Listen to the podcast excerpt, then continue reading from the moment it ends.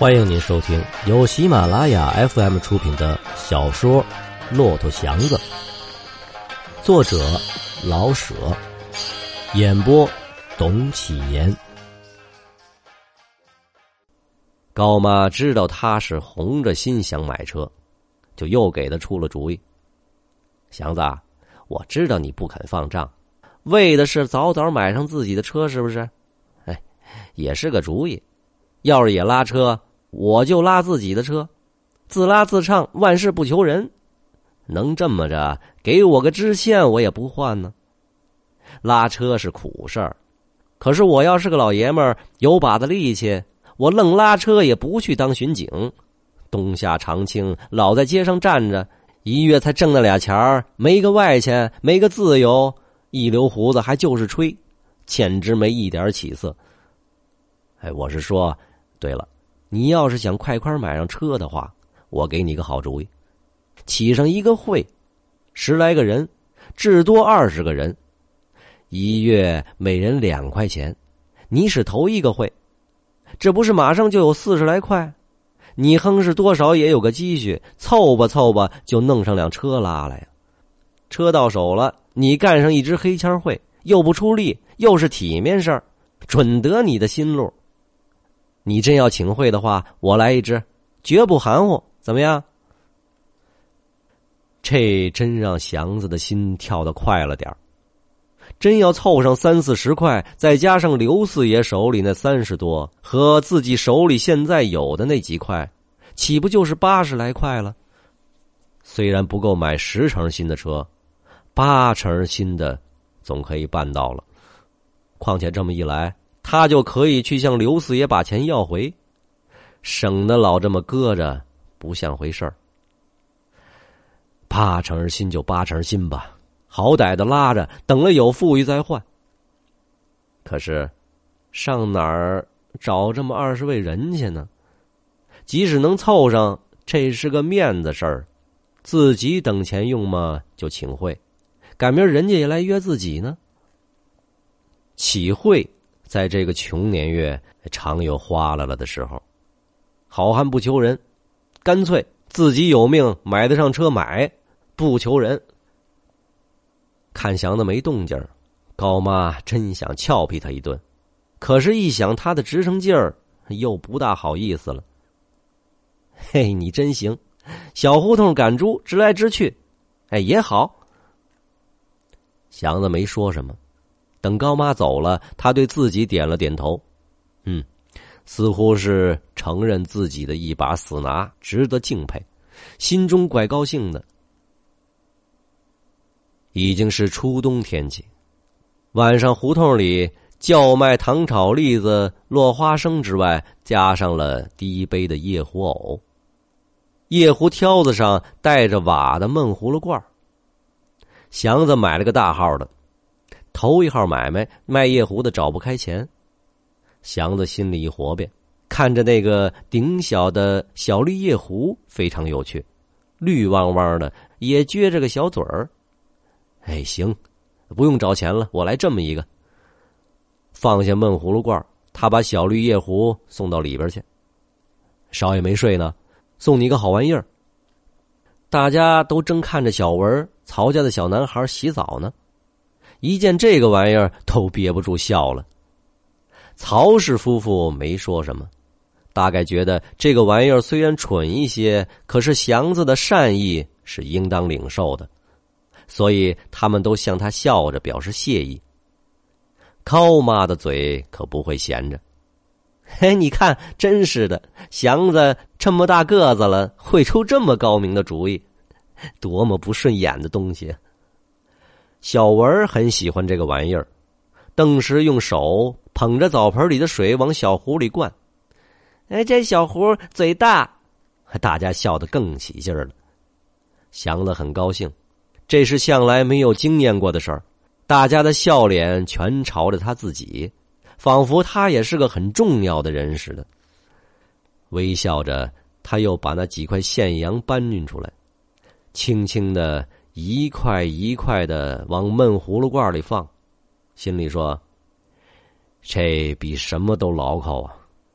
多咱够了数，咱往墙上一摔，啪嚓，现洋比瓦片还得多。他决定不再求任何人，就是刘四爷那么可靠，究竟有时候显得别扭。钱是丢不了，在刘四爷手里，不过总有点不放心。钱这个东西像个戒指，总是在自己手上好。这个决定使他痛快，觉得好像自己的腰带又杀紧了一扣，使胸口能挺得更直更硬。天是越来越冷了，祥子似乎没觉到，心中有了一定主意，眼前便增多了光明。在光明中不会觉得寒冷。地上初见冰凌，连便道上的土都凝固起来。处处显出干燥结实，黑土的颜色已微微发些黄，像已把潮气散尽。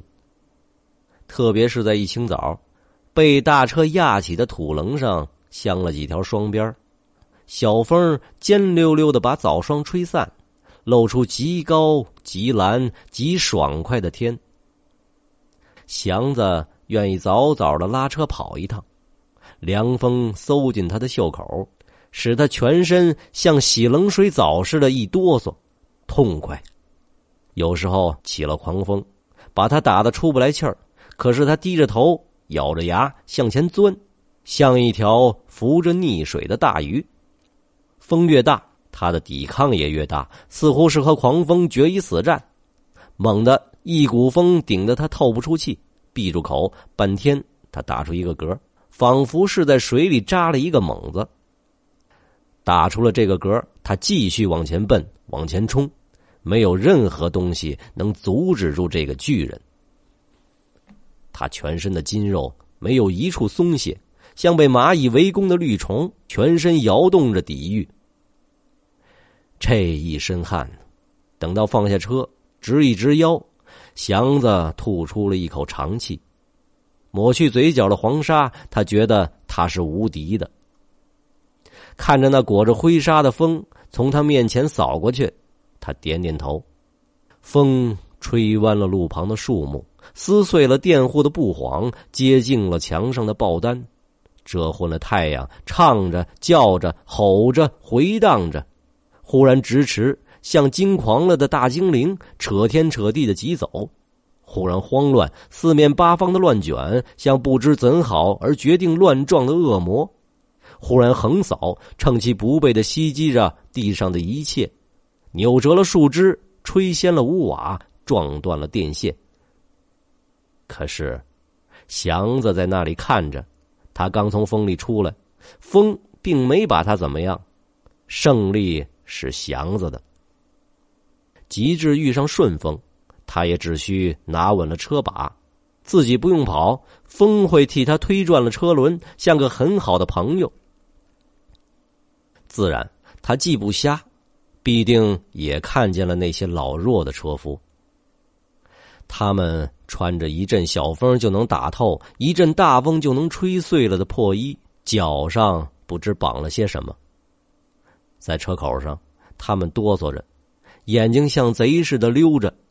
不论从什么地方钻出个人来，他们都争着问：“车。”拉上个买卖，他们暖和起来。汗湿透了那点薄而破的衣裳，一停住，他们的汗就在背上结成了冰。遇上风，他们一步也不能抬，而生生的要拽着车走。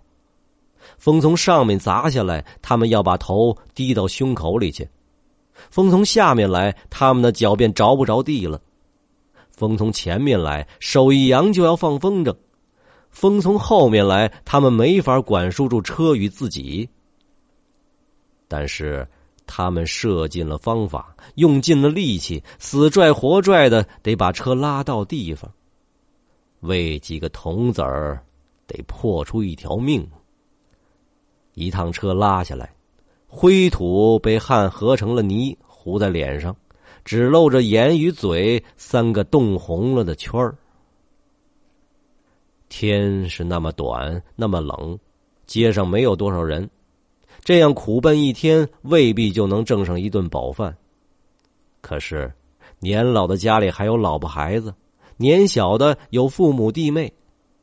冬天他们整个的是在地狱里，比鬼多了一口活气，而却没有鬼那样清闲自在。但是鬼可没有他们这么多的吃嘞，像条狗似的死在街头，是他们最大的平安自在。冻死鬼。据说脸上还有些笑容。祥子怎能没看见这些呢？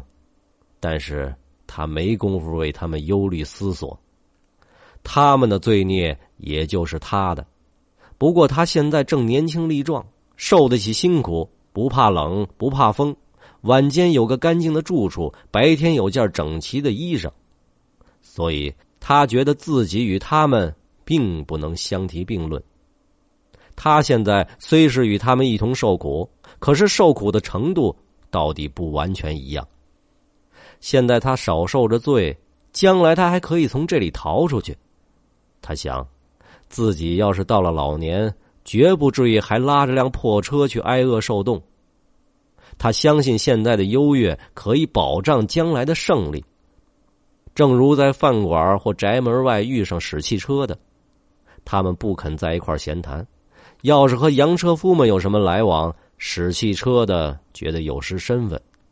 汽车夫对洋车夫的态度，正有点像祥子对那些老弱残兵。同是在地狱里，可是层次不同。他们想不到大家需立在一块儿，而各走各的路，个人的希望与努力蒙住了各个人的眼。每个人都觉得赤手空拳可以成家立业，在黑暗中各自去摸索个人的路。祥子不想别人，不管别人，他只想着自己的钱与将来的成功。街上慢慢有些年下的气象了，在晴明无风的时候，天气虽是干冷，可是路旁增多了颜色，年画、沙灯。红素蜡烛、捐制的头花、大小蜜供，都陈列出来，使人心中显得快活，可又有点不安。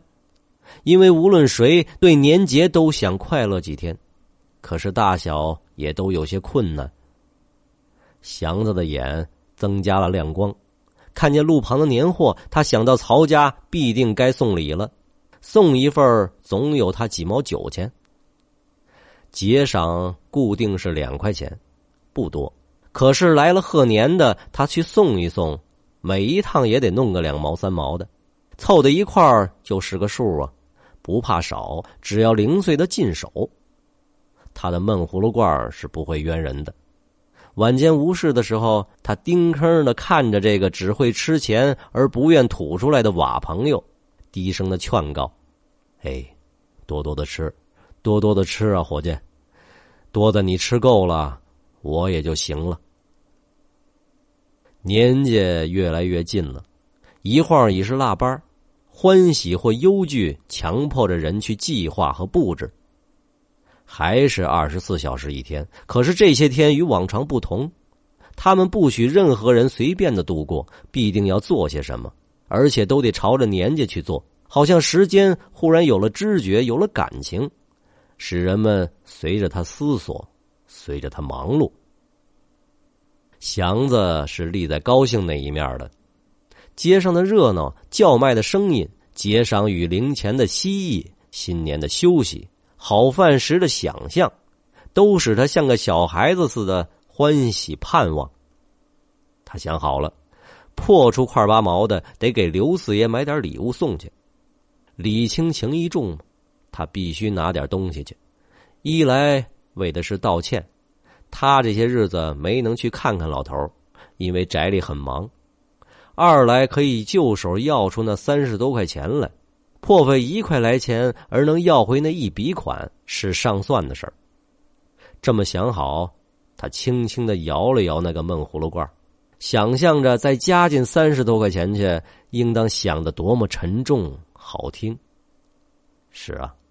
只要一索回那笔款来，他就没有不放心的事儿了。一天晚上，他正要再摇一摇那个聚宝盆，高妈喊了他一声：“祥子，门口有位小姐找你。我正从街上回来，她跟我直打听你呢。”等祥子出来，他低声找吧了句：“哎，他像个大黑塔，怪怕人的。”祥子的脸忽然红的像包着一团火，他知道事情要坏。祥子几乎没有力量迈出大门槛去，昏头打脑的，脚还在门槛内，借着街上的灯光，已看见了虎姑娘。他的脸上大概又擦了粉，被灯光照的显出点灰绿色，像黑枯了的枝叶上挂着层霜。祥子不敢正眼看他。虎妞脸上的神情很复杂，眼中带出些渴望看到他的光，嘴可是张着点露出点冷笑，鼻子纵起些纹缕，折叠着些不屑与急切，眉棱棱着，在一脸的怪粉上显出妖媚而霸道。看见祥子出来，他的嘴唇撇了几撇，脸上的各种神情一时找不到个适当的归属。他咽了口唾沫。把复杂的神气与情感似乎镇压下去，拿出点由刘四爷得来的外场劲儿，半恼半笑，假装不甚在乎的样子，打了句哈哈：“你可倒好，肉包子打狗，一去不回头啊！”他的嗓门很高，和平日在车场与车夫们吵嘴时一样。说出这两句来，他的脸上笑意一点也没有了。忽然的，仿佛感到一种惭愧与下贱。他咬上了嘴唇。别嚷！祥子似乎把全身的力量都放在唇上，爆裂出这两个字，音很小，可是极有力。哼，我才不怕呢！他恶意的笑，可是不由他自己似的，把声音稍放低了些。怨不得你躲着我，感情这儿有个小妖就是老妈子呀！我早就知道你不是个玩意儿。别看傻大黑粗的，达子拔烟袋，不傻假充傻。他的声音又高了上去。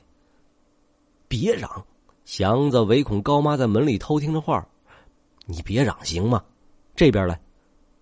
他一边说，一边往马路上走。上哪儿我也不怕呀，我就是这么大嗓儿。嘴里反抗着，他可是跟了过来。过了马路，来到东便道上，贴着公园的红墙，祥子还没忘记乡间的习惯，蹲了下来。你干嘛来了？我，哼，事儿可多了。他左手插在腰间，肚子努出些来，低头看了他一眼，想了会儿，仿佛是发了些善心，可怜他了。祥子，我找你有事儿，要紧的事儿。这声低柔的“祥子”把他的怒气打散了好些。他抬起头来看着他。他还是没有什么可爱的地方，可是那声祥子在他心中还微微的响着，带着温柔亲切，似乎在哪儿曾经听见过，唤起些无可否认的欲断难分的情分。他还是低声的，但是温和了些。什么事儿？祥子，他往前凑了凑，我有了。有什么了？他一时蒙住了。这个。他指了指肚子，你打主意吧。愣头可脑的，他啊了一声，忽然全明白了，一万样他没想到过的事儿都奔了心中去，来的是这么多，这么急，这么乱，心中反猛的成了块空白，像电影片忽然断了那样。街上非常的清静，天上有些灰云遮住了月。地上时时有些小风，吹动着残枝枯叶。远处有几声尖锐的猫叫。祥子的心里由乱而空白，连这些声音也没有听见。